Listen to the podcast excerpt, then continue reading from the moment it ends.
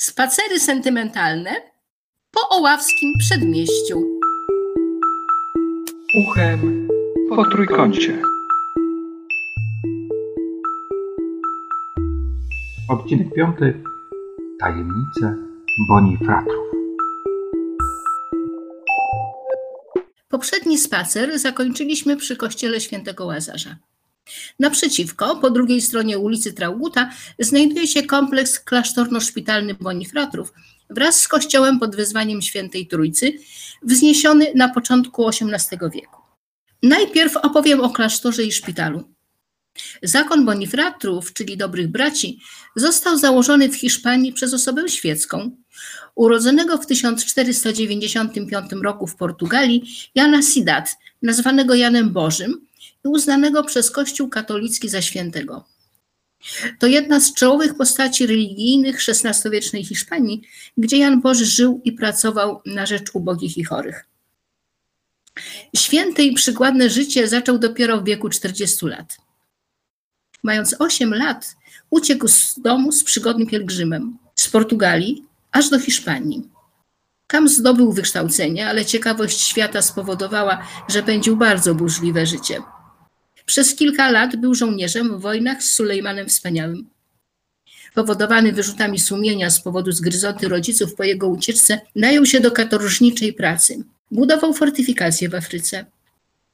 Wrócił do Hiszpanii z ciągłym poczuciem winy. Pracując ciężko fizycznie, dzielił się z ubogimi tym, co zarobił. Nawet żebrał dla nich. Pobyt w szpitalu w Granadzie był dla niego impulsem do stworzenia przy pomocy bogatych mieszczan domu, w którym opiekował się ubogimi i chorymi. Z czasem założył szpital, wypraszając datki na jego prowadzenie. Jego dewizą było bracia czyńcie dla siebie dobrze. Około 1540 roku w Granadzie zaczęła tworzyć się wokół Jana Bożego pierwsza wspólnota braci, którzy tak jak on chcieli służyć chorym. W roku 1572 papież Pius V zatwierdził wspólnotę braci jako zgromadzenie oparte na regule świętego Augustyna. Z czasem zgromadzenie podniesiono do rangi zakonu szpitalnego. Pierwszym bonifratrem, który stanął na polskiej ziemi, był brat Gabriel, hrabia Ferrary. Jak wieść albo legenda głosi, przybył z Wiednia, aby ratować zagrożone zdrowie polskiego króla Zygmunta III Wazy. Leczenie było na tyle skuteczne, że król sprowadził bonifratrów w 1609 roku do Polski, do Krakowa. Ufundowano dla nich kościół, klasztor i szpital przy ulicy Świętego Jana. Zakonnicy szybko zakładali nowe klasztory i szpitale w Wilnie, w Warszawie, w Lwowie, w Lublinie i innych miastach. Sto lat później grupa braci Bonifratrów przybyła do Wrocławia z Cieszyna. Na początku przyjmowano chorych w prowizorycznym szpitalu. Pierwszym pacjentem był przyjęty w maju 1712 roku Józef Friedl, ogrodnik z Podścinawy. Bracia przechowują ówczesną księgę szpitalną pokaźnych rozmiarów z okładkami oprawionymi w drewno. Nawet pozwolono mi ją obejrzeć. Księgi są dokumentami potwierdzającymi, że bonifratrzy opiekują się wrocławianami i dbają o ich zdrowie już ponad 300 lat. Od drewnianych okładek wzięło się powiedzenie o przeczytaniu książki od deski do deski.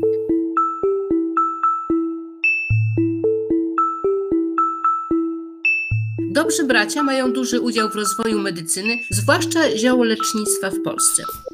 Wybitnym lekarzem na przełomie XVIII i XIX wieku był żyjący w latach 1742-1812 lekarz Ludwik Perzyna.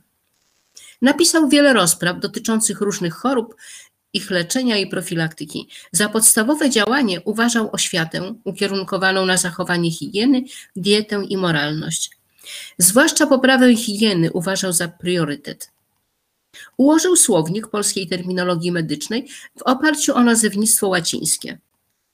Napisał pierwszy w Polsce podręcznik pod tytułem Lekarz dla Włościan, czyli Rada dla Pospólstwa, w chorobach i dolegliwościach naszemu krajowi albo właściwych, albo po większej części przyswojonych, każdemu naszego kraju mieszkańcowi do wiadomości potrzebna. Obszerny rozdział poświęcony jest powszechnemu wówczas tak zwanemu kołtunowi. Dzisiaj choroba ta może wydać się śmieszna i wręcz wstydliwa, lecz do połowy XIX wieku była uważana za bardzo groźną. Nie łączono jej ze stanem higieny. Uważano, że rozczesany lub odcięty kołtun w inną część ciała wejdzie, można stracić wzrok, cierpieć różne bóle, w tym serca, dostać paraliżu, gruźlicy, konwulsji, guzów, u kobiet różnych dolegliwości ginekologicznych, a także ciała więdnięcie i usychanie.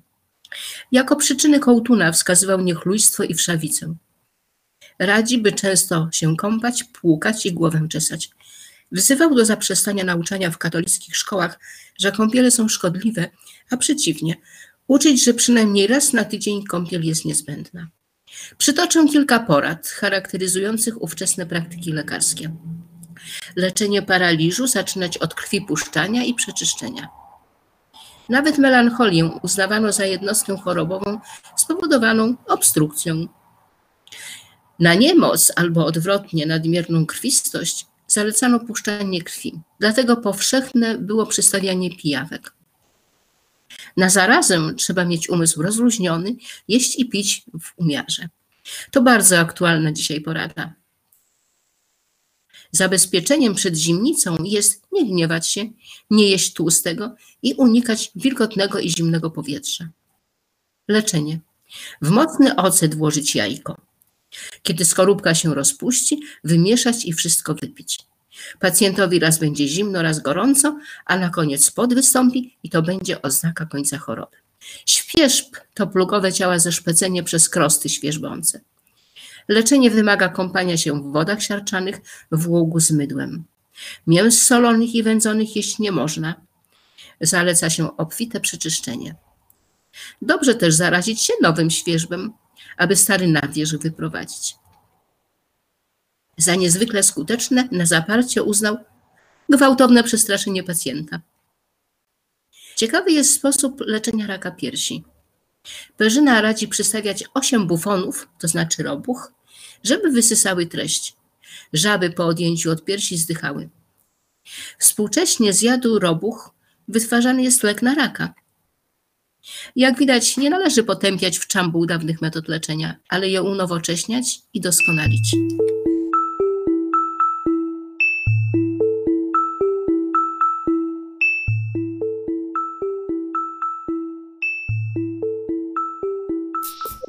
Szpital zaprojektowany w zachodnim skrzydle klasztoru przez Johanna Blasiusa Paintera budowano kilkanaście lat z powodu trudności finansowych. Ostatnie roboty ukończono dopiero w 1736 roku. Szpital liczył już wówczas 50 łóżek. Leczono w nim tylko mężczyzn, niezależnie od wyznania. Liczbę pacjentów stopniowo powiększano i w latach 30. XX wieku szpital miał już 280 łóżek. Nad wejściem od ogrodu umieszczono na elewacji dużą ceramiczną figurę świętej Jadwigi pod baldachimem wykonaną w Lubaniu Śląskim. Apteka przez prawie 100 lat służyła tylko szpitalowi. Dopiero w 1810 roku zakonnicy otrzymali pozwolenie na wydawanie leków i ziół poza szpital.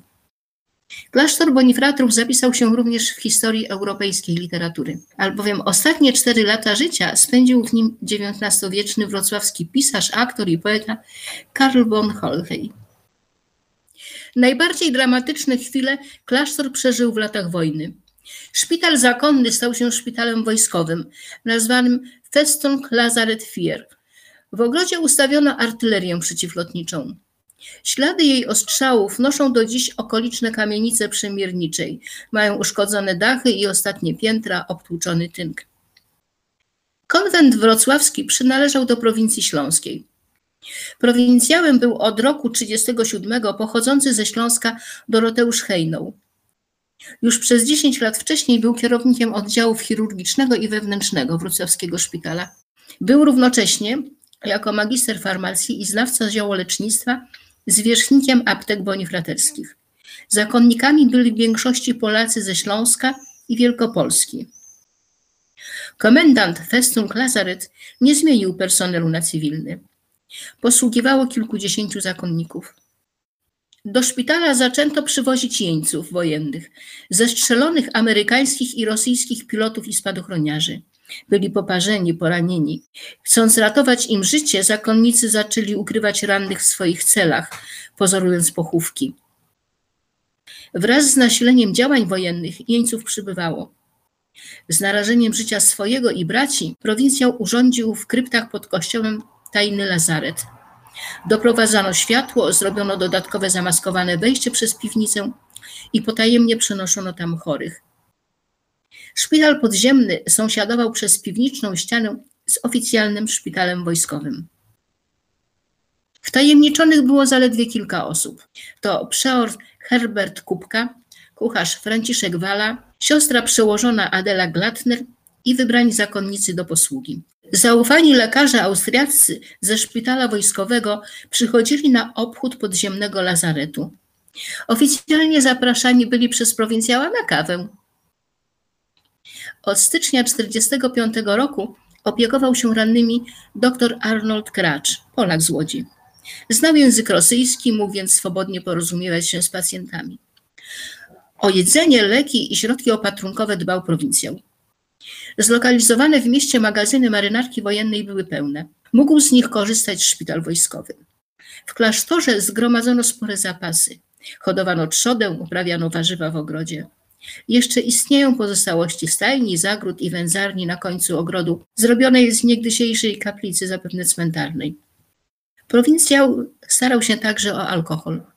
Był to niezbędny środek dezynfekcyjny znieczulający ból, a także rozgrzewający. Wojnę przeżyło 98 ukrywanych w krypcie jeńców wojennych.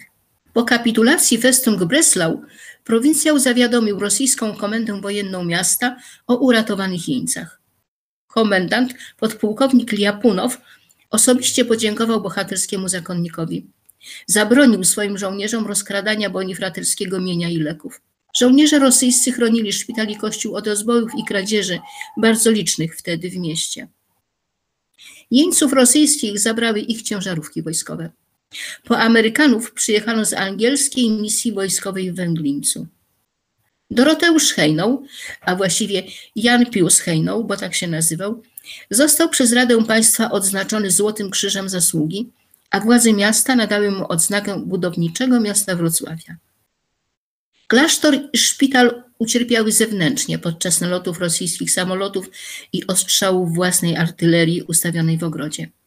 Kiedy Bonifratrzy wyremontowali uszkodzony dach szpitala, wtedy, w roku 1949, szpital upaństwowiono. Otrzymał nazwę Państwowy Szpital Kliniczny nr 5, ale wrocławianie wciąż nazywali go Szpitalem Bonifratrów. W tym samym roku odebrano zakonnikom ogród, który bardzo szybko zarósł i uległ zniszczeniu.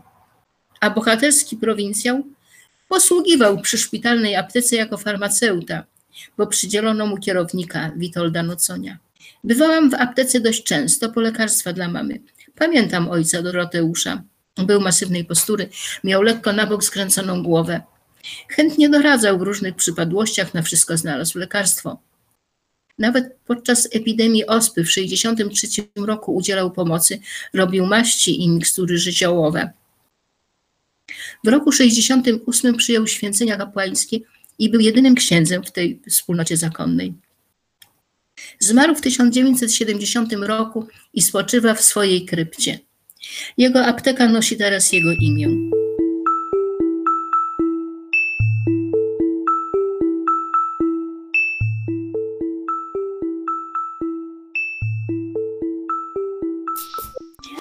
Trudno wyobrazić sobie, jak wyglądał i funkcjonował podziemny lazaret. W piwniczych murach, po ciemku, w zimie i wilgoci, w duchocie i odorze. Ranni jeńcy leżeli na silnikach i materacach, niektórzy wprost na posadzce. Utrzymanie znośnych warunków sanitarnych było w tych warunkach bardzo trudne. Tak przetrzymali upalne lato 1944 roku i ciężką, bardzo mroźną zimę oblężenie, bombardowania, własny ból i strach, jęki współcierpiących towarzyszy. W kwietniu 2014 roku podczas naprawy awarii sieci wodociągowej wykopano tuż koło wejścia do krypty bombę lotniczą. Miała uszkodzony zapalnik i tylko dlatego, że nie wybuchła, podziemny szpital ocalał. Władze PRL-u doceniły zasługi konwentu Bonifratrów.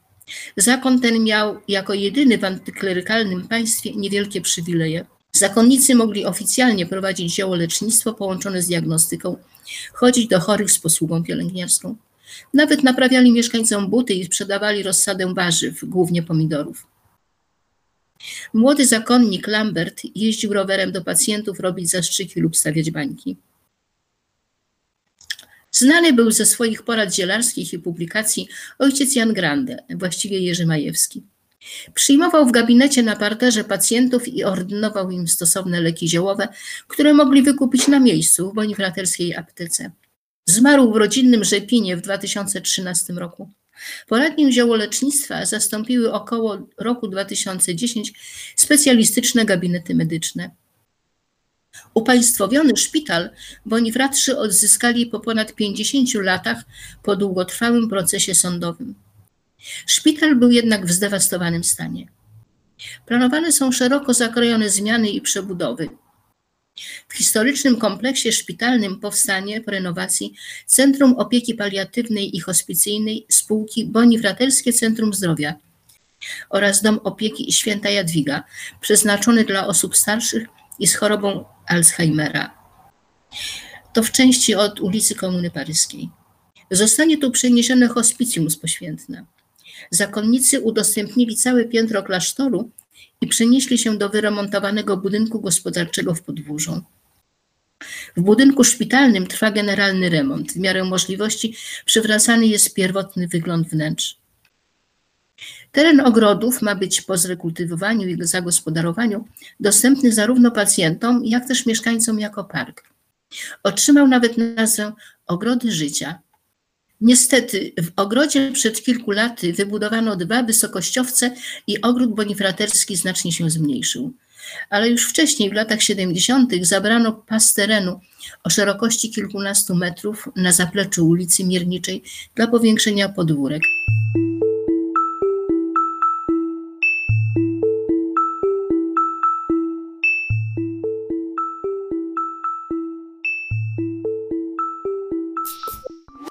Współczesna nazwa bonifratrów to zakon szpitalny świętego Jana Bożego, a godło to dojrzały owoc granatu zwieńczony krzyżem nad sześcioramienną gwiazdą Dawida.